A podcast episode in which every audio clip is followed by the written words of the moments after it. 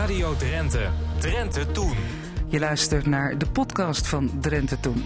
En zometeen beginnen we in Hogeveen. Zij kent de geschiedenis van Hogeveen en van verrassend veel Hogeveeners in den vreemde op haar duimpje. Marga Zwiggelaar.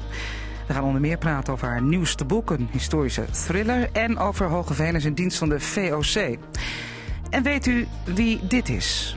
Ik vroeg u net al of u Drenthe kende. Hebt u wel eens gehoord van de Drentse Rijrivierdaagse bijvoorbeeld en van de Shakespeare spelen in uh, Drenthe? De Shakespeare spelen, die is dat, hè? Daar heb ik vele malen over gehoord. De Rijvierdaagse herinnerde me onlangs krantenberichten, maar daar heb ik nooit speciaal in verdiept. Ja, na Hitje D. Schut van de Rono was dat Tineke Schildhuis. In 1974 werd deze PvdA-politicus de eerste vrouwelijke commissaris van de Koningin in Nederland en in Drenthe. Zometeen horen we Marianne Teunissen. Zij schreef Krachtstroom, spraakmakende vrouwen in Drenthe. We horen oud-gedienden van de waterleidingmaatschappij Drenthe over de storingsdienst en nemen alvast een voorproefje op museum De Proefkolonie in Frederiksoord. En het is eind jaren 60. De Rono staat te posten bij een bioscoop. Werd het een beetje vlotten met het bioscoopbezoek in Drenthe in de jaren 60? Deze film die is mij reusachtig goed bevallen vanavond. Dus het is helemaal niet uitgesloten dat u zegt, nou ga ik er eens vaker naartoe? Nee, dat is helemaal niet uitgesloten, nee. Eh, dan heb ik hier ook nog wat jonge lui bij mij staan en die zal ik willen vragen. Gaan jullie vaak naar de bioscoop? Oh nee, niet zo vaak. En wat, ga je, wat doe je dan meestal in je vrije tijd? Als je dan niet naar de bioscoop gaat? Dansen. Ja, dat is ook mooi. Henk Luning verdiept zich in de treurnis van de dierenmishandeling... die helaas ook de Drentse geschiedenis niet onbevlekt laat. En we wandelen met Helene Tonkens door Wapserveen... en inspecteren daar de boerenerven. Verder Old Nijs en een jeugdherinnering van Wiebe Kruijer. Dit is Drenthe Toen. We gaan even wat verder terug in de tijd, hoop ik. Dat doen we met Marga Zwiggelaar, onze studiogast vanmiddag. Goedemiddag, uh, Marga. Mooi dat je er bent. Mooi. Mooi. Als ik aan jou denk, Marga, dan denk ik aan een heleboel als het gaat om uh, de historie van Hogeveen en van Hogeveeners. Ja. En daarbuiten. Dus ik denk dat we maar gewoon een paar zaken bij de kop pakken, zoals dat heet. En dan beginnen we met een boek dat jij geschreven hebt, ja. dat af is. Ja, dat eindelijk af is, ja. Een historische detective. Een historische misdaadroman. Ja. Vertel. Ja, ja, ja het speelt uh, in het Hogeveen en de titel van de Patriotten en de Prinsgezin. En uh, er wordt wat moorden gepleegd op het Hogeveen. Ja, even uh, voor de duidelijkheid, voor de mensen die dat niet meteen op het netvlies hebben staan. Hoe ligt Hogeveen er dan bij en welke periode is dat precies? Wij zitten in 1784 en Hogeveen is dan een van de grootste plekken met Muppelt van Drenthe. Uh, steer met een bulde middenstand, uh, arbeiders, haarbarring, winkels. Ook van belang uh, van uh, heel grote, regio, uh, grote ja. regiofunctie en van economisch heel groot belang, ook door de turf, onder andere door de turfgraverijen. vrijwel alles ging toen via Zwartsluis afbleef in Zwartsluis, ging diesel op of ging richting Amsterdam en Leiden. Ja. Die kanten op. Dat betekent dat er dus ook veel rijke mensen wonen er en heel veel met, arme ja, mensen. er wonen bij mensen met geld in de buurt. En uh, ja, arm mij altijd had, maar de gemiddelde arbeider kan oorschiet turfboomwater. De, de tricky periodes waren altijd de winterdagen of als het hele slechte seizoenen west waren met een bulte regen en dat het klimaat een beetje tegen zat, laat maar zeggen. En dat er weinig verveend kan worden of dat de kanaal zo dreug stond dat ze bijna niet kunnen afvaren met de schepen. Kijk, dan was het beroerd, beroerder economisch, maar over het algemeen valt die dikke armoede, dat valt wel met. Ja, en de mensen kwamen overal vandaan. Kwamen, ja, ja, in het graafseizoen waren dan hij en vooral in de 17e eeuw was dat, dat de Hoge Verne. Uh, tiental, soms, uh, ik weet wel niet hoeveel meer inwoners hadden als buiten het graafseizoen. Maar ja, ja. dan kwamen ze overal naar vandaan en moet je voorstellen... Uh, Nee, maar ik, stel mij dat zo voor dat uh, Lambert, Hendrik, Hendrik Lambert Swiep die komt uh, graven in, in 1600 nog wat en uh, in ongeveer een lap dat ding een mei aan en giet er wonen. En zo ze gaat wonen op een gegeven moment in de moespad richting Alteveer. En de kinderen die gaan ze vervolgens moes noemen. En dan blijft de jongen die noemt ze nog weer Swiep. Maar ik bedoel, dan heeft dat wel weer een Duitse ja. verolder. Maar zo ging dat natuurlijk. Ze kwamen overal vandaan, ze kregen verkering. of ze kunnen stuk laten. nou ja, er werd ook wel wat verdiend. Er ja, er wel werd heel veel geld verdiend. Ja, Ja. Zet. ja, ja, ja, ja. Ik kwam uh, net een paar weken terug nog weer de inventarisstelling van uh, mevrouw Akkens. En mevrouw Akkens, weduwe Akkens, was uh, de, de vrouw van de, de schoolmeester. En de schoolmeester ging dood. wij zitten rond 1750. En zij neemt, zij ook een winkel erbij. En dan wordt er op een gegeven moment een inventaris opgemaakt. Nou, dat is onwaarschijnlijk. Hij ziet wat die allemaal wel niet. En in de winkel hebt staan. Kunnen ze gek niet opnemen of je kunt het krijgen. En in Huzan staan. Dat is ook allemaal Chinees porselein. En uh, tellen die zo en dan tellen die zo. En dit aan de kant en dat aan de kant. En een wekkerklok aan de kant. Die ze natuurlijk nodig had voor de klokken bij de scholen. Maar van alles en nog wat. Heel aan de beeld krijg je echt in de inventaris en kijkt waar je over het algemeen hebt van de mensen in de 18e eeuw. Maar mensen die hebben dus geld, die vinden het ook fijn om zich met mooie spullen te omringen. Ja, ja. Toen, net als nu. Net als nou. En hij, hij komt in de inventarissen van de echte rieken. Daar hebben wij ook een aantal inventarissen van. Daar kun je bijna bij die mensen de, de, het huis in lopen. En uh, nou ja, daar allemaal zilver en goud en porselein en uh, uur op twee draaien. En dat betekent dat je ook in Hogeveen in een mooie jurk uit Parijs rondliep? Ja, uh, nou dat is heel, heel wonderlijk. Ik ben in een aantal uh, inventarissen ben ik hoepenrokken tegengekomen. En van die hele rieken. En hoepenrokken kon je eigenlijk was er niet tegen in, in, in Drenthe. Ja, ik weet dat de mevrouw uh, Gestina Olderhuis-Kimmel er in 1700 nog wat met hoepenrok rondloopt. Omdat wij het het patroon van haar mooie kleed, die zit hier nog, nou ja, hier niet meer bij de buren, maar bij het Drents Archief, in het familiearchief Karsten. Dus iedereen kan maken als ze wil. Maar er hoort een hoepenrok onder. En toen kwam ze opeens ook een hoepenrok tegen Rune in een inventaris. En dan kijk ik en denk, oh, het is een mij van Kort. Oh ja, Kort was uh, een van de scheepswerfbouwers, was had een scheepswerf op. En ik denk, oh, er zit weer een connectie met een stedelijker gebied, want daar hebben wij het dan over. We hebben het over Meppel, of Togeveerne, dat was al meer verstedelijkt als bijvoorbeeld een Rune of een Oosterhessel. Ja. En Assen was natuurlijk nog een boerendorp, dat stelde weinig voor met een aantal uh, regentenfamilies die als die nog wat deden in het bestuur. Ja, en klein. En heel klein. Ja. En, en, ja. en we hadden hier natuurlijk ook niet die industrie die je daar nog verder had. Wel een industrie bij industrie. Ja. ja. Het is allemaal later anders gegaan trouwens, hè? Ja, nou ja. Kijk, uh, als je kijkt in, in de archieven, dan zie je dat uh, rond 1850, wat, of voor 1850, uh, zit het gemeentebestuur van Hogeveen er ontzettend hard achteraan om dat kanaaldeurengraam te kringen. En ook een brief, wat, wat later door de Drentse kanaalmaatschappij gebeurde is in 1852. Maar ze waren er al veel eerder mee bezig. Want, zegt de gemeente Hogeveen dan al, hier loopt de vervening op zijn einde. Nog een paar jaren en we hebben geen venen meer hier. Dus willen wij wat doen? We zijn helemaal afhankelijk van die vervening. Dus, althans grotendeels, willen wij nog doen? Wat doen? Dan moet dat ook weer opkomt. Nou, dat gebeurt al rond 1852, maar in 1880 zegt de gemeente Hogeveerne al... wij hebben helemaal geen verne meer in het Hogeveerne. Ja. 1880 was het al helemaal afgelopen met de vervening. Eigenlijk heel actueel die En dan zaken. zie je wel allemaal kleinere bedrijven al en kleinere industrieën... maar dat komt er vanaf die tijd op. Ik wou even weer terug, 100 jaar Ja. terug, naar het... eh, 1784. ja, de, de, de, de, wereld die jij schetst in jouw misdaadroman.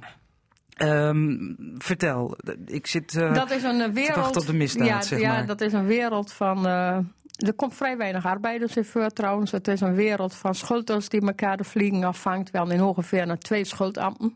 Dat was heel bijzonder, want dat had je in geen enkel kaspel in Drenthe. Maar dat had te maken met het 17e-eeuwse gedonder en gedoe met alles wat uit elkaar getrokken werd toen met de vervening. Ja, en de schulden was een soort juridisch... eh, Ja, Scholten was burgemeester, eh, eh, was van alles in één eigenlijk. Hè. Hoofd van de politie, hij was van alles. Dus we hebben twee schuldambten. Dus die twee schulders, die Lork proberen elkaar, die hebben een, een, een zakelijk geschil, maar ja, de kinderen van haar, die bent met elkaar getrouwd. En dan de zonen van de ene schulder, die vindt eigenlijk dat een van die beide schulders maar eindelijk met op zouden mieten, zodat hij zelf schulder kan worden, want die vindt ze eigenlijk veel te oud. Dus dat speelt ook nog allemaal met.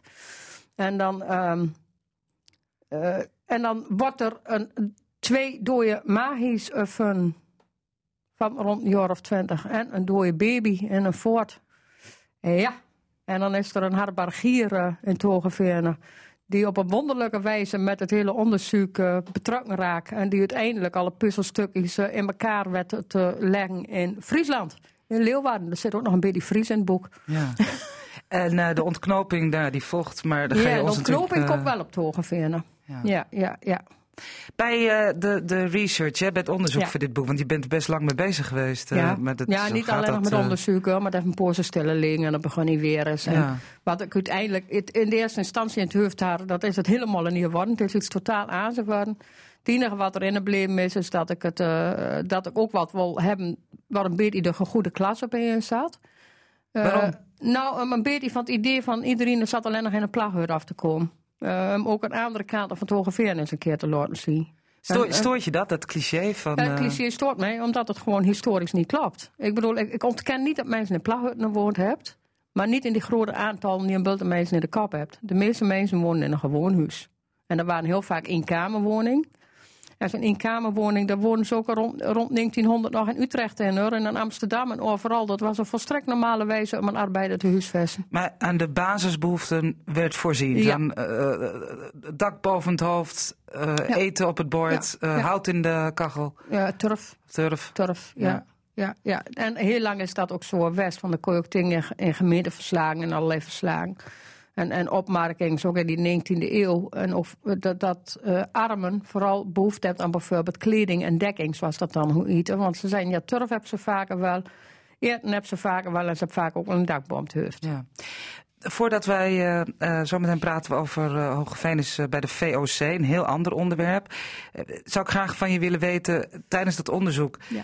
hè, dan heb je natuurlijk heel vaak het gevoel, wat is dat anders? Wat is dat een andere wereld? Maar had je ook het gevoel, Heel wonderlijk wel, heel, veel dingen op ons hoor. En wat me heel erg verbaasd heeft, ik heb ook natuurlijk wel gewoon ook in Drents archieven wat, wat verslagen door een um, van, van, van, eh, onder, van onderzoeken in de 18e eeuw dat ging. En dat men ook gewoon aut- autopsie doen op een liek. En daar kwam gewoon de, de, de, ene B van het gerecht om dat te doen. dus eh, met moord kwam ook toen niemand. Nee, Bijna en ook, niemand en weg. ook eh, dat ze toen ook al kunnen. ik- ik- Kijk, het, de eerste aanleiding voor mijn boek was een, een stokje wat ik las in eh, het boek over kindermoorden in Drenthe. Wat, ik weet zo niets meer wie dat geschreven heeft, maar dat is zo'n 15 jaar geleden of zo is dat geschreven. 10 jaar geleden weet ik het niet meer. En er stond een stokje in over een eh, baby of een dood kind wat er fun was in de voort in Hogeveen. En toen heb ik die stokken er eens bij je had, hier in het uh, Drentse archief, is allemaal eens even bekeken. En dat is eigenlijk de aanleiding geweest om dit boek te schrijven. En nou komt het er. 7 Ja. december wordt het gepresenteerd. Ja. Wij zitten eh, dik in Hogeveen. En eh, dat doen we met Marga Zwiggelaar, want die weet alles van Hogeveen. Dat zeg Nou, ik dan alles, maar zo. alles. Nou ja, nog, nog niet alles. er zijn er natuurlijk meer, hè? Jouw kameraad Albert Metselaar is er ook zo een. eh, die, die, en, en jullie komen nog steeds met nieuwe, nieuwe vondsten, Ja, nieuwe ja het, ontdekkingen. het- het is onvoorstelbaar. Alles is nog langer niet allemaal bekeken. Nee, dat is mooi. Is, er wel, is er altijd belangstelling voor? Ja, de meeste mensen, op de bed wel een heleboel de mensen die heel veel belangstelling hebben voor de geschiedenis. En ook voor echte geschiedenis. Dus niet alleen nog voor een verhaal van hun zingen, maar ook wel eens van, goh, hoe heeft nou eigenlijk werkelijk in elkaar gestoken. Dat is zoiets je dat kunt zeggen over het verleden. Hè? Want ik, je hebt altijd maar een beperkt beeld, want ook alle documenten die jij natuurlijk kreeg, is ook Ja. maar een fractie Ja. van de werkelijkheid. Maar- Je noemde het net al, hè? er zijn clichés, er zijn vooroordelen. Het beeld van de, de, de, plaghutten, van de armen. ja. Wat, wat natuurlijk... En de bandperiode geweest dat heel beroerd was. Weet ik niet. Maar Ja. ja.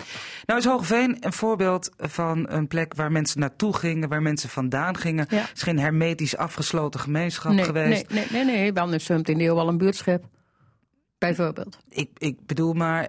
ehm, Wij zijn wat vier keer, het is tegenwoordig geloof ik in, in kijk, je stapt hier op de trein en dan stap je in eh, Amsterdam stap je eh een Meuswolle overstappen en dan stap je in Amsterdam over op het vliegtuig. Dus in drie overstappen ben je in Jakarta.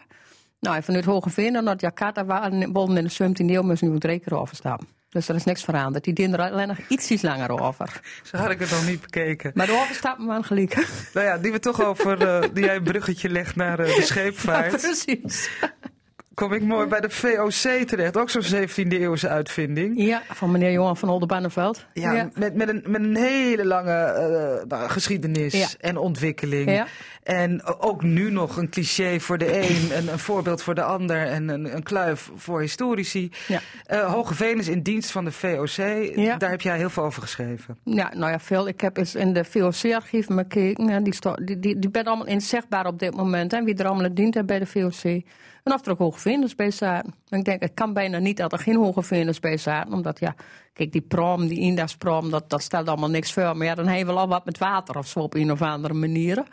Ik denk, nou, eens even kijken. Nou, tot mijn verrassing zaten er toch al heel wat uh, hoge vinders die allemaal bij de VOC gezeten hebt. Ja, hoe gaat zoiets? Dat zijn eh, jongens, het zijn allemaal mannen natuurlijk. Ja, en soms in groepjes. Soms gaan ze echt in groepjes die kant op. Hè, dat ze met z'n vier en vijf tegelijk aanmonsteren. Ik kan me zo voorstellen dat ze dan hier zit en... eh, of dat zo'n deugd te west bent. Zeg het maar. Maar dat ze dat ze van, wij kunnen ook wel eens een keer buiten het Hogeveen kijken. Of dronken, dat hoor je toch ook heel vaak? Ja, maar dan moet je wel eerst in Amsterdam en West weer. Je moet wel eerst Andermonstert weer. Hè? Je kunt bij mij weten hier niet in Drenthe al aanmonsteren voor de VOC. Dan moeten je wel al echt Ja. eh Noordwesten toe. Wat hebben deze mannen met elkaar gemeen? Zijn ze allemaal erg jong? Zijn ze... Ja, ze zijn allemaal relatief jong. Allemaal zo, zo, zo tussen de... Ja, die mogen natuurlijk als heel klein kind mogen niet trouwens niet bij de VOC. Hè? Die moesten, al bepa- die moesten volgens mij 18 of 20 jaar weer, voordat je er pas bij mogen. En dan tot een jaar of, ik denk dat de oudste rond een jaar of 40 was.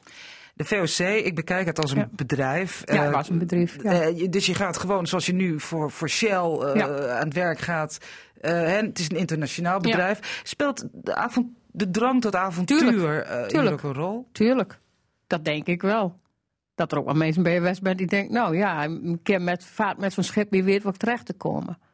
Dus Kan me kijk, daar ja, wel bij voorstellen. mij lijkt het op meerdere fronten doodeng. Maar goed, dat is Ja, eh, was het ook, met de kennis kaas, van nu. de kaas die Leemtig weer aankwam in Amsterdam, was eh, niet zo barre groot. Want eh vergis je niet, zo'n VOC, die was er te doen om winst. Hè? Het was een compagnie. En een compagnie in de 17e eeuw heeft maar één doel winst maken. En hoe die winst behaald wordt, zal ze een rotzorgen weer. Dus die zorgen dat je genoeg eh, eh, bemanningsleden had. Die zorgen dat je genoeg soldaten aan boord had. En dan ging die hele boel die ging op Indonesië aan, hè, via Afrika. Nou, dan ging er ondertussen ging er al, ging er al een bepaald percentage van de bemanning dood. Nou, dat was al incalculeerd door de VOC. Van zoveel zonden werd doorgegaan. Ja, wel gewoon door ziekte aan boord Voor bijvoorbeeld. ziekte en vechten weinig trouwens, want ze mogen geen messen met er hebben. Dus een beetje ziekte of, nou ja, zeg het maar. Ehm, dan kwam je in Indonesië. Nou, er waren er al een heleboel die door het dood leggen, omdat ze eh, niet in klimaat kunnen, niet in het eten, infectie gewoon maar deur.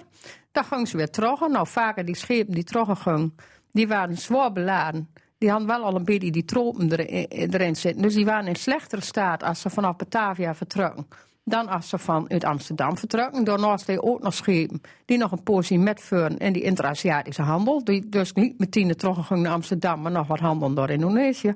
Dus die hadden zwaar beladen, schepen met te weinig bemanning. Dus er wordt er ook nog wel eens een vergaan. De grootste kaas van vergaan van een VOC-schip was op de terugreis. Dus dat er nog zoveel hoge venus nog eh, gezond en wel in Amsterdam voor schippenstap bent, mag een wonder weten. En er bent er ook nog hoge bij West die vinden het geweldig en die hebben een paar keer een reizen met hem gemaakt. Maar dat is een minderheid. Maar verdient die, eh, het verdient, Het vast heel nog- goed. Als je dus, dus hier eh, in Amsterdam aankwam, kreeg je goed uitbetaald. En ehm, kijk, als je dacht hebt van nou, ik ga één keer met, want dan heb ik genoeg geld. Dan kan ik wat investeren hier. Ja, dan ging je natuurlijk niet weer met op een reizen. Maar ja, er waren er ook wel bij die in de VOC min of meer een kleine carrière maakt hebt. En er bent er wel bij je West die waarschijnlijk in Indonesië blind bent. Want waar we dus niks meer van terug vindt en terugreizen. Nou, de VOC die had, er, eh, eh, had de administratie goed op orde. Dus waarschijnlijk loopt er toch nog in Indonesië nog heel wat eh, mensen rond eh, met eh, nog arangsogen vindt ze geen. En, eh, Ja, en dat was dan bijvoorbeeld de liefde of, eh, een, eh, ja, of precies. of Ja, zoiets. ja, dat weet je dan weer niet. Nee. Nee, nee. En, en, Maar het was dus ook, het was, een, het was dus een bedrijf wat het ook niks uitmaakte dat er een bepaald percentage van de bemanning gewoon doorging eh, nee, dat- aan boord. Dat, dat Dat kun was gewoon incalculeerd. ja, een bedrijfsrisico. Qua bedrijfsrisico. Ja. Ja. Wat deden ze trouwens aan boord? Allemaal verschillende beroepen? Of, eh, Nou ja, de meesten gingen gewoon met om dat schip te laten eh, varen. En ze hadden ook, hè, als je dan aankwam in Indonesië, wij verplicht om door ook nog een poosje wat te doen. En dan mocht je weer rummen. ja, Dus het was eh, goedkope arbeidskracht. Het was voor het laden en het lossen. eh, ja. nou, van alles. Maar gaan wij, eh, Ja. we moeten afronden. Ik had Ja. nog met je willen praten over andere zaken. Over hoge venus die door jou aan de vergetelheid zijn onttrokken. Ach, ja, ja. Maar ik hoop dat dat misschien een andere keer ja, wij zullen zien. Dank je wel voor nu. Mooi. Old Nijs. Weet nog hoe wij vroeger met elkaar fantaseerden over hoe de wereld eruit zou zien in het jaar 2000? Er zullen ongetwijfeld weer de hele koppel nieuwe uitvindingen wezen. We zagen science fiction voor ons. Maar eigenlijk waren de uitvindings in een wat recenter verleden zo mogelijk nog verbazingwekkender. Wat dacht je bijvoorbeeld van röntgenstraling? Een vinding van Wilhelm Conrad Röntgen, waar wij anno nu nog altijd dankbaar gebruik van maakt. Röntgen was een Duits-Nederlands wartuigbouwkundig ingenieur en ook natuurkundige. En hij was het die in het jaar 1894 de straling uitvond. Straling die in de beginjaren nog X-straling noemd wordt. In sommige landen is dat altijd nog zo. Maar later veranderde dat in röntgenstraling. Daar zat Röntgen zelf niet op te wachten, maar ja, daar ging hij toen niet meer over. Verbijsterend, futuristisch, fantastisch. Toen het grote publiek hoorde van de mogelijkheid om door een levend mensenlichaam hen te kijken, stond de wereld op zijn kop. En we van alle kanten bedacht wat er allemaal wel niet mogelijk zou kunnen wezen. Met name in Amerika sloeg de fantasie geweldig op hol. Want wat lezen wij in de provinciale Drijnse en Azerkrant van 19 december 1931? De toekomst voorspellen met X-stralen, zo kopt dat grote artikel. Geleerden hebben een nieuwe en interessante methode gevonden om het verleden, heden en de toekomst van menselijke wezens te leren kennen door het fotograferen van iemands beenderenstelsel met behulp van X-stralen. Vele van dergelijke foto's waren onlangs in Cleveland, in Ohio, tentoongesteld en daar is de methode om de toekomst te voorspellen volledig verklaard. De ontwikkeling van de beenderen van een mens heeft een grote invloed op zijn lichamelijke en geestelijke gezondheid, op zijn bekwaamheid en op zijn kansen succesvol en gelukkig te zijn. X-stralen ontsluieren de juiste plaats van ieder been, het stadium van zijn groei en zijn gezondheid of ongezondheid. Bepaalde klieren, vooral de schildklier, scheiden stoffen af die nodig zijn voor de normale groei van de beenderen. Als deze klieren niet goed functioneren, groeien de beenderen niet genoeg en dat kan de oorzaak zijn van lichamelijke gebreken en een slechte gezondheid. Röntgenfoto's zeggen alles omtrent de toestand van het skelet en de Amerikaanse geleerden, die deze nieuwe methode gevonden hebben, kunnen uit die foto's meer lezen over de toekomst van de mensen dan het bijvoorbeeld uit de lijnen van de hand mogelijk is. Het koffiedik en de glazen bollen worden tegenwoordig vervangen door de meer wetenschappelijke methoden, door handlijnkunde en röntgenfotografie. Maar de Drijnse en Azerkraant haar ook in 1931 al zo zien bedenkings. Want, zo staat hier, de mogelijkheid en eventuele juistheid van het voorspellen van de toekomst willen wij hier niet betwisten, maar wel de waarde die het voor de mensheid heeft. De lijnen van de hand en de constellatie van onze beenderen veranderen voortdurend, zodat ook de toekomst die daaruit op te maken zou zijn, niet onomstotelijk vaststaat. En het voorspellen, tussen aanhalingstekens, van ons verleden heeft weinig nut. Dat verdient alleen als gezelschapsspel en uit een experimenteel oogpunt aanbeveling. Al dus de kraant. Ja, zo zie je maar. Nijs wordt vanzelf old nijs en soms ook nep nijs.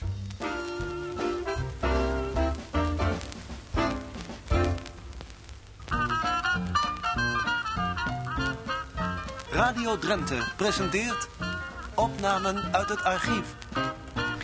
1968, 51 jaar geleden bijna. Ja, hoe ging het met het bioscoopbezoek in Drenthe in dat jaar? We horen zometeen Henk Platje en Hans Heiting en een paar bioscoopbezoekers over, uh, en de Bioscoopbond afdeling Noordoost over uh, dit uh, ja, betrekkelijk geen jong fenomeen, maar in die dagen niet geschikt of niet bezocht door iedereen. Nee, we gaan niet vaak naar de film. En waarom ben je nou dan zo vanavond dan heen gaan? Nou, uh, mijn dochter was met een vriendinnetje in, uh, in Den Haag. En uh, hebben ze die film gezien. En ze was er zo enthousiast over dat ze kwam thuis en ze zei... ik ga direct sparen voor, voor een plaat. Maar ja, ze krijgt nog niet zoveel zakgeld. Dat, dat duurde natuurlijk nog een tijdje, want die plaat is duur. Hè? Maar toen had ze het dan bij elkaar en plaat gekocht. Nou, dat is prachtig. Hè? En toen heb je besloten om vanavond deze film maar eens te gaan zien? Ja. ja. Deze film die is mij reusachtig goed bevallen vanavond. Dus het is helemaal niet uitgesloten dat u zegt, nou ga ik er eens vaker naartoe? Nee, dat is helemaal niet uitgesloten, nee. Eh, dan heb ik hier ook nog wat jonge lui bij mij staan en die zal ik willen vragen. Gaan jullie vaak naar de bioscoop? Oh nee, niet zo vaak. Niet zo vaak? Nee. Uh, en jij dan? Ik ga ook niet zo vaak naar de bioscoop. Nee? En wat, ga je, wat doe je dan meestal in je vrije tijd? Als je dan niet naar de bioscoop gaat? Dansen. Dansen. Vind je dat mooier dan film? Ja, het ligt er wat voor film er is. Ja. Van welke film zal jij er nog al? Nou, van Elvis Presley en zo. In 1968 vierde de Nederlandse Bioscoopbond zijn 50ste verjaardag. Voor ons aanleiding om eens na te gaan hoe of het er in dit jubileumjaar bijstiet met de Drentse bioscoop. Om erachter te komen hadden we gesprekken met de heren Holman en Abel, respectievelijk voorzitter en secretaris van de afdeling Noordoost van de bond. We kregen inlichtings van alle Drentse bioscoopexploitanten en stelden vragen aan bioscoopbezoekers waarvan hij net al wat hoorden. Ten slotte huwden we een enquête op 1 december die ons nog wiezen maakte. Op het moment telt Drenthe 10 filmtheaters. 24 jaar terug hè, waren dat er drie, die 150 voorstellings per jaar hadden. In 1918 had Drenthe één filmtheater, in de hoofdstad Assen. Zeven materiaal waaruit hij geneigd bent de conclusie te trekken dat het er met het Drentse filmbedrijf niet zo gek voor staat.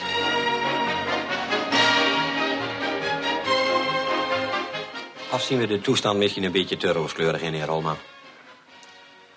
Rooskleurig? eh wie bent nog altijd eh, het meest in trek zijnde medium voor, eh, nou, laten we zeggen, een vrije tijdsbesteding die hier in Nederland is.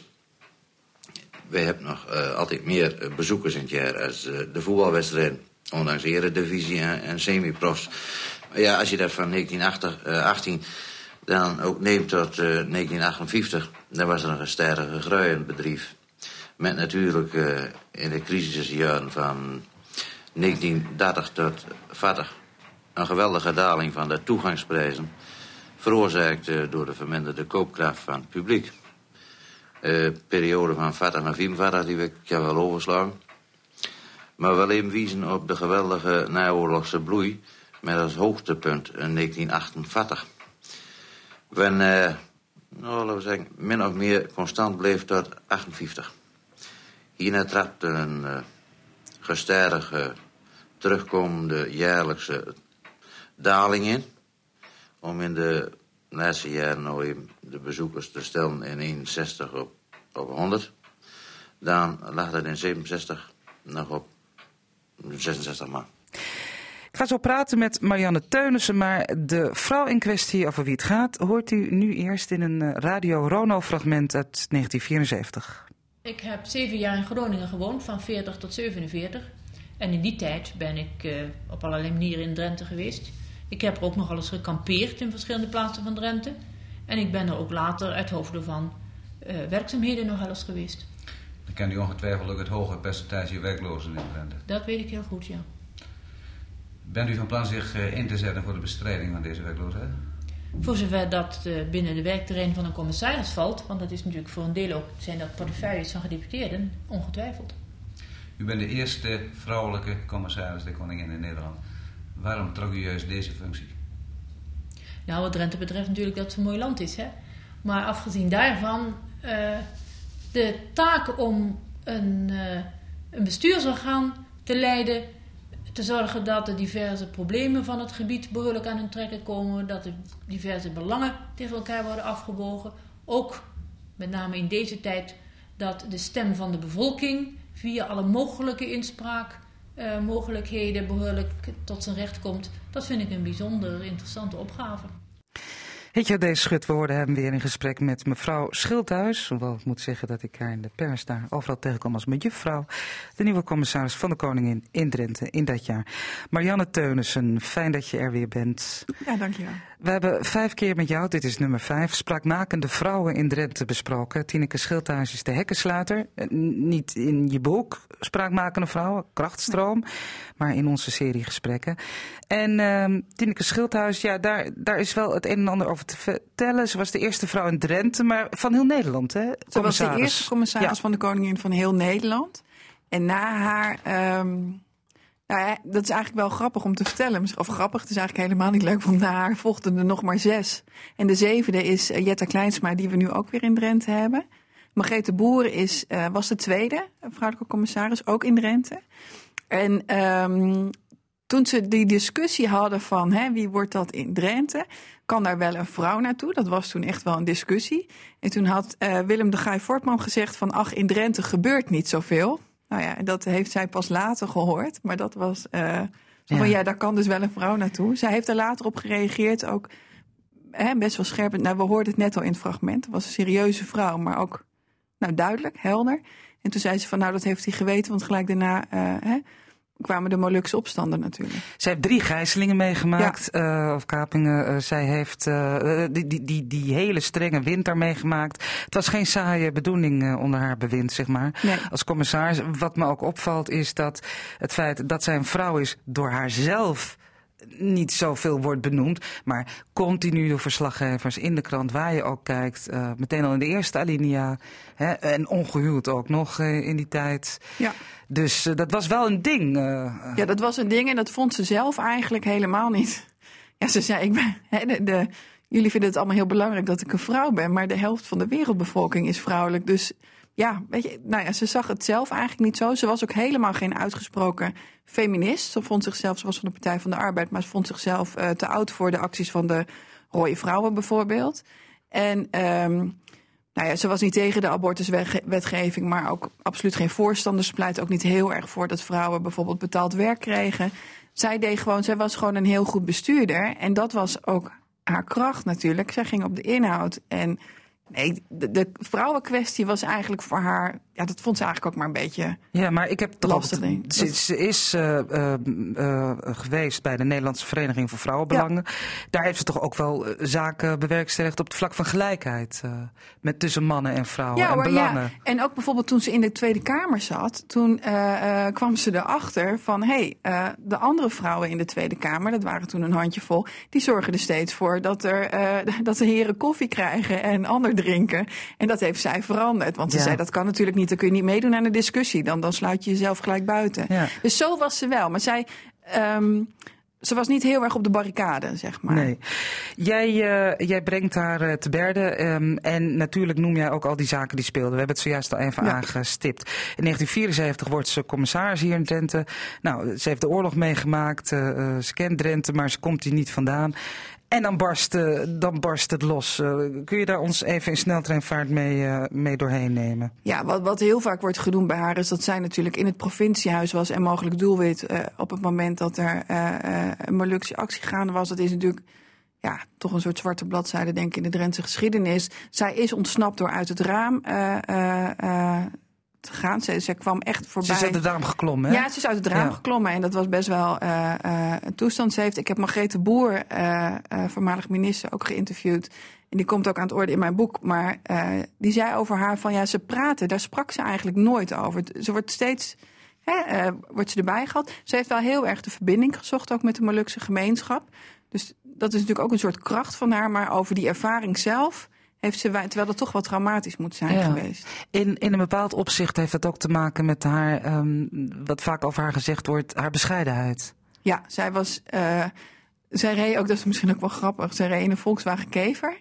En eh, af en toe had ze daar een chauffeur bij. Maar nou, op een gegeven moment heeft ze ook wel gezegd: van ja, weet je, ik kom daar eh, in die kever aan. En iedereen kijkt om zich heen van waar blijft de commissaris. En ze was ook niet excentriek. Hè? Ze wil, dus toen heeft ze maar een andere auto gekocht. Ook nog een hele degelijke auto hoor. Maar toch ietsje. eh, ja. Wat beetje bij haar status Ja, ja, precies. Ja. Zo van, want ze wilde ergens ook niet opvallen. En juist die bescheidenheid heeft ervoor gezorgd dat denk ik weinig mensen weten welke rol zij heeft gespeeld. Bijvoorbeeld ook met het herinneringscentrum in Kamp Westerbork. Ja, want je zou kunnen zeggen, ja, ik bedoel, hè, dat, dat, dat- daar zijn meerdere mensen verantwoordelijk voor.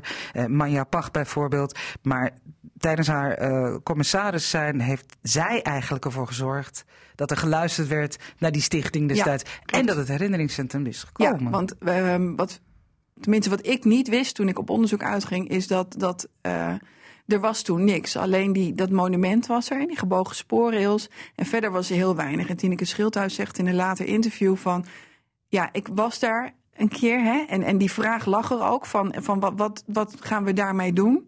Er was heel weinig over van het kamp zelf. En ehm, ze zegt, toen hoorde ik een gezin praten en een vader uitleggen aan zijn kinderen van wat hier precies gebeurd was en waar het monument voor stond.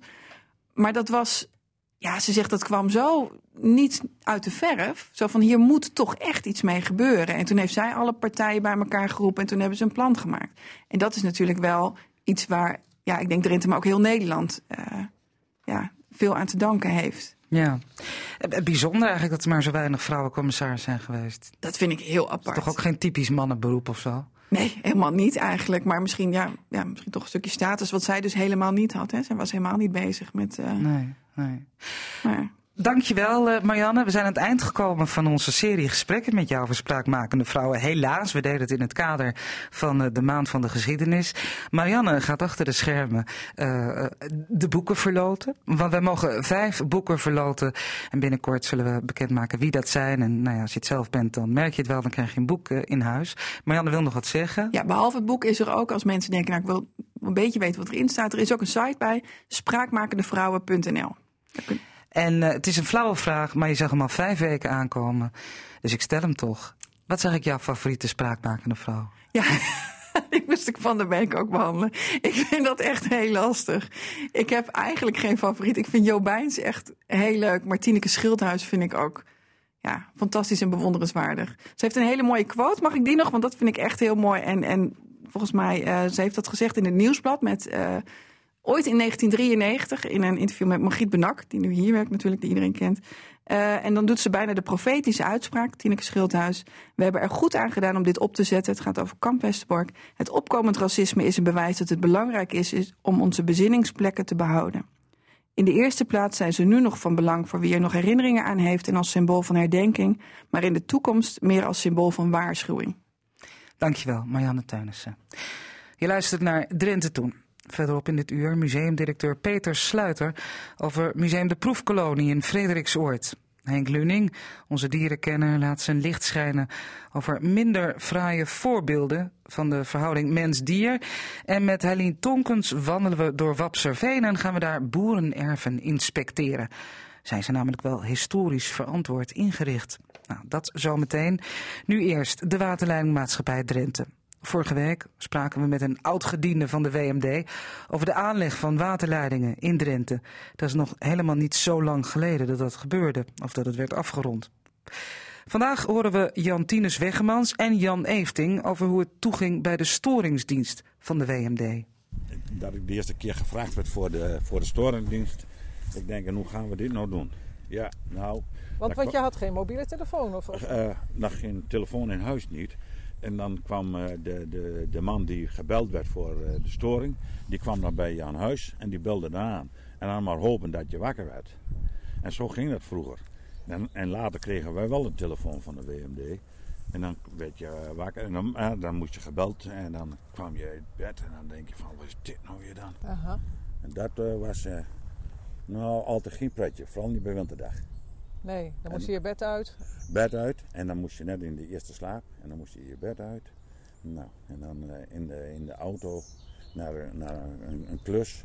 Nou, en we hebben uh, winters meegemaakt. Voor mij mag het nog wel eens een keer weer. Hè? Met, uh, met sneeuwduinen en zo. Dat je dan een grote shovel voor je aan hebt, een padje maakt. En dan moest je een gatje maken. Maar ja, als de vast er dan 80 centimeter in zit. Dan nou, is het zo hard als steen, hè? Dat bedoel ik maar ja. Ja. En toch deden we dat. Met plezier. Ja, met die glimlach erbij moet ik het ook haast wel geloven. Ja, dat is echt dat waar. is echt waar. Ja, ik heb er altijd van genomen. Ja. Materiaal ophalen en dan gingen we naar, zeg maar, naar Klassineveen. Dat was een, een, een hoofdleidingbreuk. Nou, dan stond je, dan had je een, een, een acculampje bij je voor de verlichting. Ja. En, en, dan stond je met twee man daar zo te, te graven. En dan uh, met een emmer uh, voor uh, het water uit het gat te halen. en dan werd er een, een klem omgezet. Nou, en dan werd alles weer afgewerkt en dan ging je weer naar huis. Of je ging naar, rechtstreeks door weer naar het werk. Ja, leuke baan, lijkt me. Ja, dat was heel leuk. Ja, ja uh, Jan Tines, jij uh, hebt dat ook wel meegemaakt. Ja. Uh, de, hoe ging de communicatie dan als het om storingen ging? Nou ja, die kreeg het, in eerste instantie ging het met telefoon. En dan later dan hadden ze van die, van die piepers, van die semafoon, semafoons. Ja. En dan, dan kon je nog van huis, anders kon je niet van huis. Als je dan stoorde niet in het weekend, dan moest je, moest je thuis blijven bij de telefoon. Want dan kon uit een hoofdleidingbreuk was of was een, uh, overgang kapot bij een huisaansluiting. Dan moest je die repareren. Dus je had gewoon storing. Dat was, dat, al, die moest bereikbaar zijn, dag en nacht.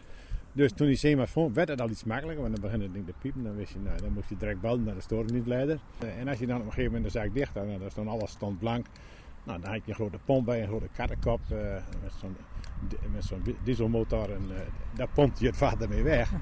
En dan, uh, en dan, begon je, dan begon je met schopje te graven. Maar je moest, dat was toen nog geen minigraan. Hè? Dat werd allemaal met handwerk. Dan stond je in de blubber.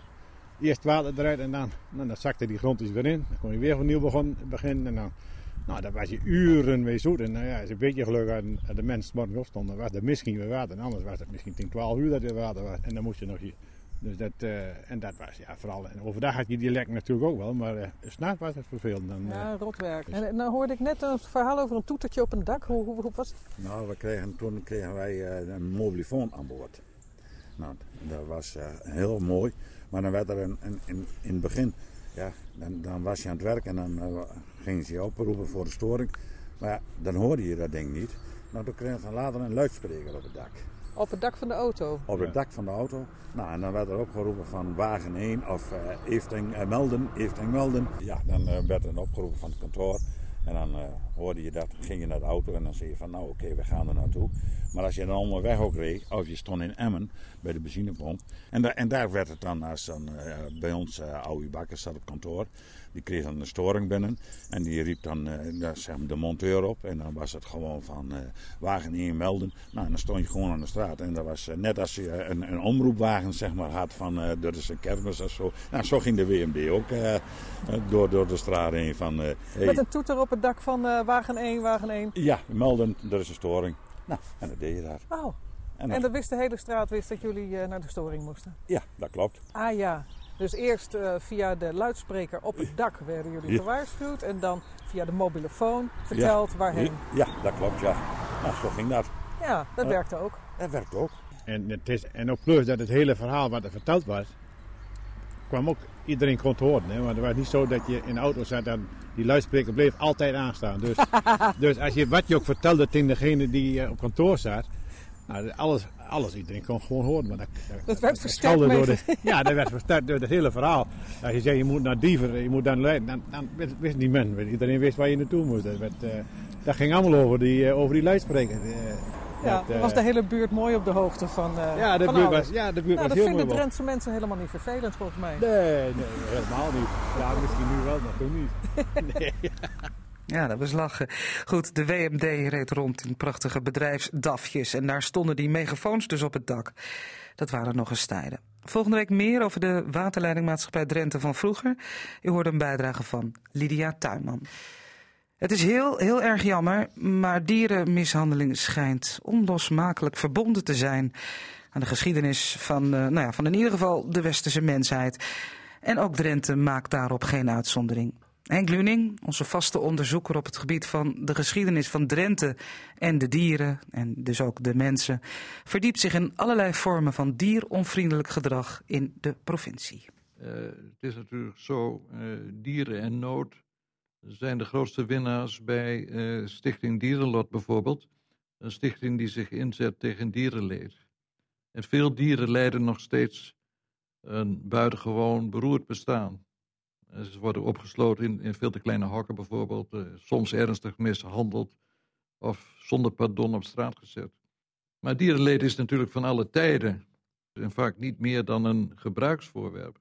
Maar toch zit er uh, in onze nadenken over dieren, onze houding tegenover dieren, al, al vrij vroeg een, een kentering, hè? Ja, allerlei vormen van dieronvriendelijk gedrag werden in de loop van de 16e eeuw trouwens al verboden verklaard. Dat is niet zo bekend, maar dat is wel zo. Uh, zo kwamen er al plakaten tegen het afsnijden van de manen en staten van paarden bijvoorbeeld. Al voor 1600 waren er plakaten ter bescherming van zwanen. En vanaf het eind van de 17e eeuw werd het stelen van zwaneneieren met regelmaat verboden verklaard. Maar en die met... regelmaat die verklaart dan natuurlijk ook dat het niet hielp. Maar er zit altijd een, een soort eigen belang van de, al die maatregelen. Zit een soort eigen belang voor de mens achter. Hè? Verboden om eieren te stelen. Waarom is dat dan verboden? Wat is het belang daarachter? Uh, om meer zwanen te krijgen die je dood kon schieten, bijvoorbeeld. Dus het werkt een beetje anders als, uh, als we, uh, zoals we er tegenwoordig over denken. Het werkt gewoon in het, al die maatregelen die genomen worden, die zijn in het voordeel van de mens. En tegenwoordig kun je zeggen, worden de maatregelen genomen in het voordeel van het dier. Ja, dat is het verschil. We ja. willen nu de stand uh, op peil houden. En vroeger ja. wilden we dat ook, maar omdat we het ja. dier dan uh, graag wilden opeten. Ja. Uh, zo hield men bijvoorbeeld vinken die hield men graag omdat ze zo mooi, mooi konden zingen. Dat is heel logisch natuurlijk. Uh, maar mits de oogjes uitgestoken of uitgebrand waren en aan een draadje gezet, waren ze ook geschikt speelgoed voor kinderen. En waarom moesten die oogjes eruit gebrand worden? Dan konden ze mooier zingen. Dan konden ze zich daarop concentreren, zeg ja, maar. Ja, ja, ja. Uh, en ook de, natuurlijk de wetenschappelijke fascinatie voor de werking van de natuur resulteerde in medische proeven met dieren. Want de wonderen van de schepping kon het best ontleen worden met een vlijmscherp mes. Ook daar hadden ze weer van te lijden, ja. met dieren. Ja. ja, het was nou wel verwerpelijk om proeven op menselijk lichaam te nemen. Maar dierproeven, daar, uh, dat stuitte op uh, relatief weinig tegenstand. Ons beeld van dieren was ook anders. Hè? We hadden het idee dat ze een soort machines waren, een soort automatische ja, men, men, men, had gewoon uh, een heel ander, ander idee over, over, over, dieren. Bijvoorbeeld in de strijd tegen de vreedheden als ganstrekken en katknuppelen uh, stond niet het morele argument centraal. Maatregelen tegen dierenbescherming, of tegen dierenmishandeling, sorry, werden eerder genomen om het praktische nut van de beesten of het welzijn van de mens te beschermen dan het dier zelf. En dat gold zelfs voor bezwaren uit de religieuze hoek. De kerken klaagden nogal eens over dierkwellende spelletjes bijvoorbeeld. En daar ging het niet, hun niet, bij, uh, niet om, de om de dieren, maar juist omdat ze op zondag plaatsvonden. Ja, dus, dat is dus, ook een uh, argument. dierenmishandeling ja. was schadelijk, maar vooral voor de mens. De morele discussie waarin het welzijn van het dier centraal staat, zou pas losbarsten in de tweede helft van de 19e eeuw. Dus dat heeft nog vrij lang geduurd voordat wij op een andere manier naar dieren gingen kijken. Nou, zo uh, de, de, dierenbescherming die rond 1864 al bestond, uh, die zette zich onder meer in voor het verbod van trekhonden en het couperen van de oren en staat van honden en paarden. Uh, en voor de verbetering van de slagvoorschriften bijvoorbeeld. En in 1875 behaalde de Vereniging van de Dierenbescherming een eerste succes met een wet ter preventie van hondsdolheid, waarin ook de mishandeling van honden en katten strafbaar werd gesteld. Dat zijn eigenlijk de eerste dieren, dierenbeschermingswetten. Maar ook weer in ons eigen belang, tegen de hondsdolheid en ja, en het eigen, eigenlijk. belang, het eigen belang zit er wel heel vaak achter. Uh, in 1880 werden enkele zoogdieren en vogels die nuttig werden geacht voor de land- en tuinbouw uh, bij wet beschermd. En pas in 1886 komt er in het wetboek van strafrecht te staan uh, dat dierenmishandeling een misdrijf, misdrijf is. En om te zorgen dat de wetgeving werd gehandhaafd, begon de dierenbescherming in 1920 haar eigen inspectiedienst. Dus je kan nagaan dat voor 1920 dus de controle op, op dierenmishandeling dus niks voorstelde. En 100 jaar later is het tegenwoordig de dierenbescherming en de Partij voor de Dieren die opkomen tegen verwaarlozing en mishandeling van dieren. Maar dierenbeulen kunnen nog steeds soms jarenlang hun gang gaan. Samen met tuin- en landschapsadviseur Heilien Tonkens zwerven wij langs boerenerven in Wapserveen op zoek naar sporen van eeuwen van boerenbedrijvigheid allemaal vastgelegd en terug te zien in de bestrating, als die tenminste niet is opgeruimd en vervangen door strak en nieuw plaveisel. Collega Lydia Tuinman. Nou, we lopen nu uh, over dat erf richting woonhuis. Kijk, en als je nou hier ziet, dan zie je eigenlijk al dat we hier twee verschillende soorten stenen hebben. Het was de baan naar achteren met een wat grove, uh, dikke, zware betonklinker. Er is een nieuwe schuur gebouwd. Er is ook alweer een ander steentje gebruikt. Deze was misschien niet meer te krijgen. Er was nog een partij van dit. We vullen het aan. We zorgen dat het netjes tegen elkaar aan ligt. Helemaal prima. Het hoeft niet allemaal hetzelfde te zijn. En dan komen we hier, lopen we een eindje door. En zitten we eigenlijk uh, bijna op de grens met de achterkant van de oude boerderij. En hier komen we ineens oude klinkertjes tegen. En dat ligt eigenlijk als een klein vakje nog langs die grote, zware bestrating. Ja, een stukje, ja, een stukje van een meter bij, nou misschien 20 meter, 15 meter. Ja. Eh, een, een smal gangetje van, nou ja, heel oude klin- klinkertjes. Wat, wat lees jij daarin? Nou, hier is vroeger iets bestraat omdat je ergens naar binnen moest. En met, hè, het moest niet helemaal een blubberpartij worden voordat ik naar binnen ging. Of deze klinkers hebben ook doorgelegen tot achteraan de schuur. En voor het werk is er een stuk uitgehaald en functioneel met een zwaardere klinker neergelegd. En dit randje, ja, je had er geen last van. Je kon wel met droge voeten ergens in. En is blijven liggen. Dit schuurtje, dat heb ik al van de boerin gehoord. Dit is een heel mooi verhaal. Want dit schuurtje is gebouwd met de oude spoorbielsen van het treintje van Steenwijk naar Frederiksoord. Oh ja, ik zie het. Het zijn inderdaad hele dikke bielsen waar die Hele uitgemaakt dikke is. bielsen. En dat is ook hetzelfde als met die bestrating. Het is het hergebruik. En vandaag de dag willen we alles nieuw en alles moet glad en alles moet gelijk. En dat hergebruik maakt het in mijn ogen ook heel sympathiek. En vandaag de dag is dat hergebruik weer actueel. We moeten niet alles weggooien wat nog goed is. En hier zie je dat die bielsen... Nou, deze schuur is misschien wel 60 jaar oud.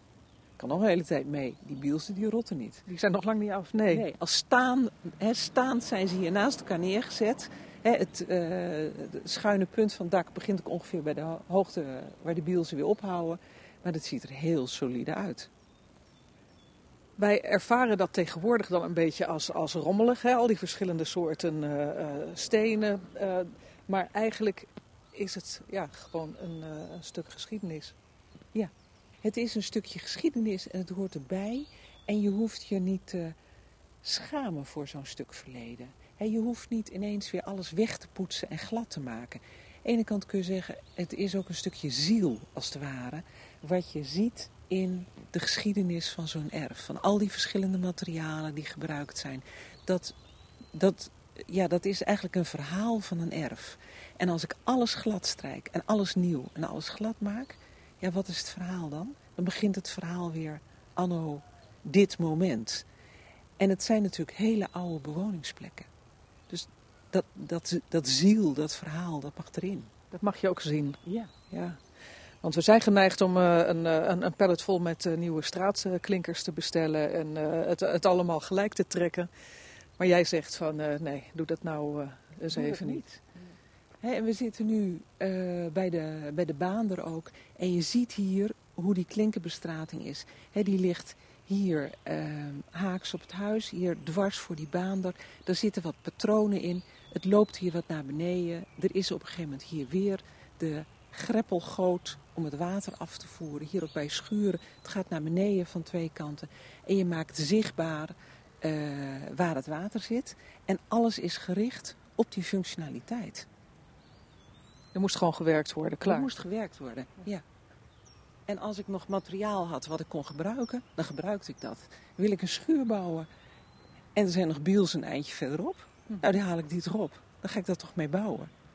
Dat, is- dat vind ik wel heel erg leuk hoor. Dat is de boerenmanier om de dingen te doen.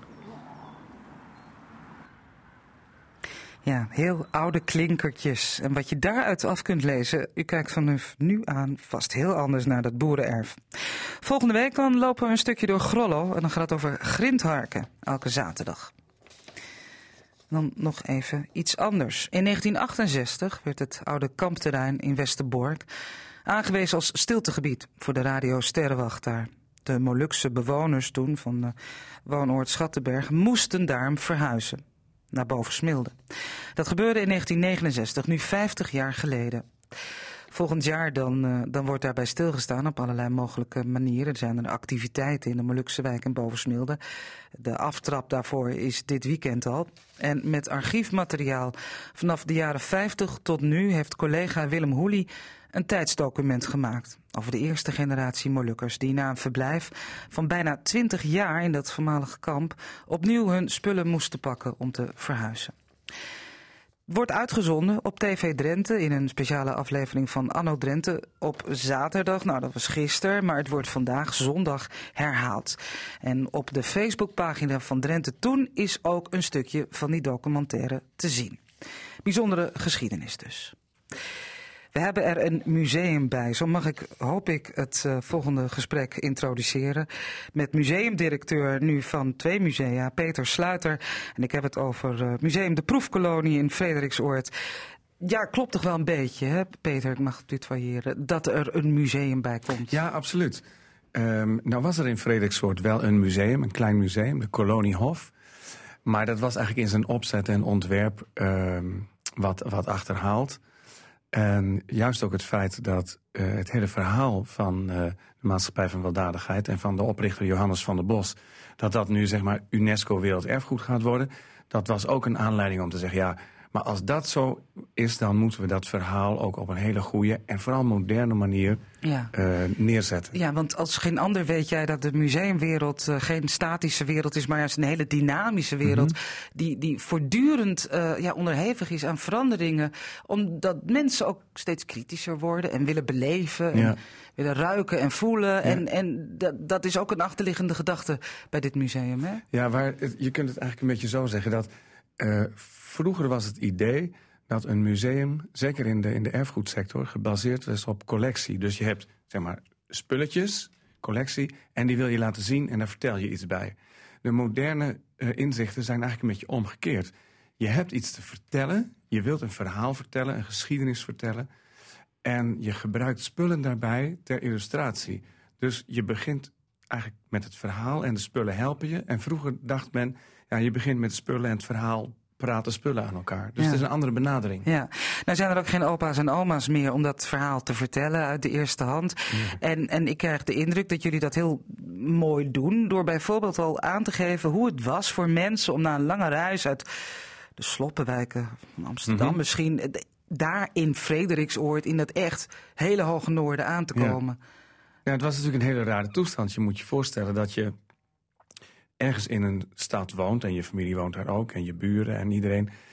Uh, maar je hebt het slecht. Je, je, je zit aan de bedelstaf, daar, daar kun je wel of niet iets aan doen. Maar in ieder geval, je hebt het slecht. En dan krijg je de kans om ergens uh, opnieuw te beginnen. Waarbij je bij die start een heleboel hulp krijgt. En dat levert natuurlijk twee gevoelens op. Aan de ene kant het gevoel van een kans. En dat gaan we proberen, want wij willen wel uit die armoede.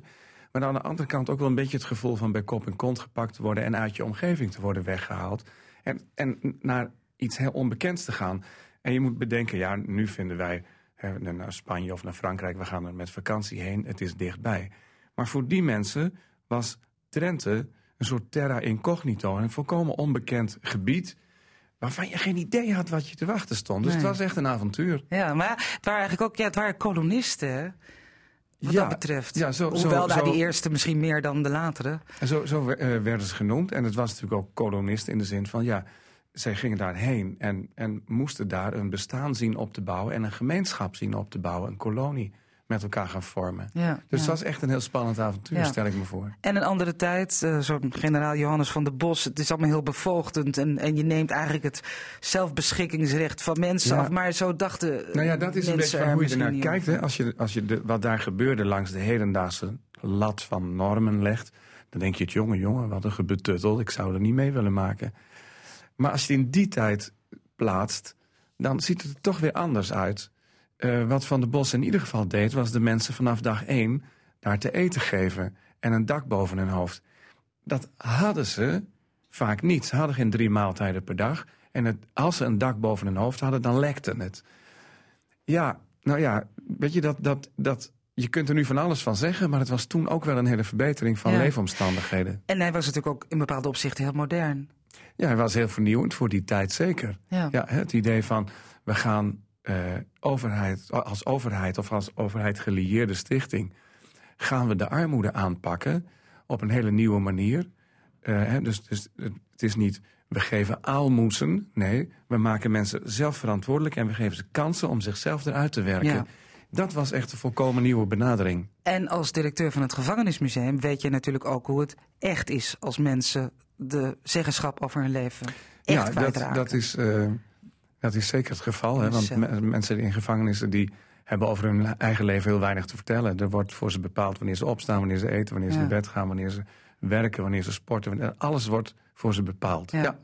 Nou las ik een, eh, ik weet niet eens meer welke collega, want ere wie ere toekomt, maar eh, eh, misschien was het eh, Margriet, Benak of iemand anders, een tijd terug bij ons op de website dat dit nieuwe museum echt ook een beroep op de zintuigen ging doen. Nou ja, dus mijn vraag is, hoe doen jullie dat? Ja. Nou ja, het is een. eh, laat ik maar weer even de, de uitstapje naar vroeger maken. Vroeger werd je geacht met je handen op je rug door een museum te lopen. Vooral overal afblijven en nergens aanzitten. Dat is bij ons echt anders. Je zintuigen moet je gebruiken. Als je. eh, je, je kunt dingen ruiken. We hebben ge- gekeken van hoe, hoe rook het nou vroeger in die sloppenwijken. Je moet kijken, je moet luisteren. Maar er is ook een gedeelte in dat museum. Als je je handen op je rug houdt en nergens aan zit, dan kom je verder niks te weten. Dus je moet op knopjes drukken, je moet spelvormen doen, je moet dingen gaan ontdekken. En heb je al je zintuigen bij nodig. Dus het is een museum ehm, waarin je actief moet zijn. En als je geen zin hebt om een beetje actief te zijn, ja, dan heb je een saaie middag. Nou ja, dan ga je maar koffie drinken met, Precies. met de krant. Ehm, woensdag de 31e wordt het officieel geopend. Of Donderdag, donderdag, neem me niet ja. kwalijk. Donderdag 31 oktober. Wanneer is het voor het eh, publiek toegankelijk? Nou, dat is het op dit moment al. De, de feitelijke opening, dat, dat heet een soft launch in Goed Drents. Die is eh 1 mei geweest, dus we draaien al een seizoen. Maar de officiële opening wilden we echt iets groots van maken. Een mooi feest. Waarin ook, eh, zeg maar, mensen die eh, in Europa bij UNESCO betrokken zijn, worden uitgenodigd. Ja, en om dat net in die zomer te doen, dat vonden we een beetje riskant. Bovendien hadden we in het begin nog wel wat, wat, wat storingen en wat techniekstoringen. Nu is het op orde, de boel is stabiel. En dan zeg je ook, dan durf je ook belangrijke gasten uit te nodigen om eh, te openen en ze te laten zien. En dan is het risico dat er donderdag iets misgaat heel klein geworden. Eh, Wil je nog iets zeggen over die belangrijke gasten? Of zijn er nog verrassingen? Nee, dat, dat zijn mensen die eh, Europa breed eh, bij, eh, bij UNESCO-processen betrokken zijn. Ja. Dus het, het zijn geen grote namen die we, van mensen die we allemaal kennen. Maar het is met name ook de, de provincie heeft gezegd... wij vinden het heel belangrijk dat wij als toekomstige UNESCO-siteholder... eh, onze collega, collega's uit Europa Ja. uit kunnen nodigen. Goed, en dat, is nog allemaal, dat hangt nog boven de markt, die UNESCO-status. Daar, eh, daar hebben we het wel Komende zomer wordt daarover beslist. En iedereen die ik erover spreek is optimistisch. En optimistischer dan de vorige keer. Nou, dan zijn wij het ook. Peter Sluiter, dubbel museumdirecteur. inmiddels. alstublieft. Bedankt. Graag gedaan. Ja, het programma zit er bijna op, maar natuurlijk nog niet voordat we de man hebben gehoord. Of zijn eh, vertegenwoordiger bij de regionale omroep, die altijd de deur van het programma sluit. Met een prachtige jeugdherinnering. Wiebe Kruijer, het is een tachtiger met een haarscherp geheugen. Voorgelezen uit het boek Jeugdherinneringen van Kruijer. Hier is Robert Oosting.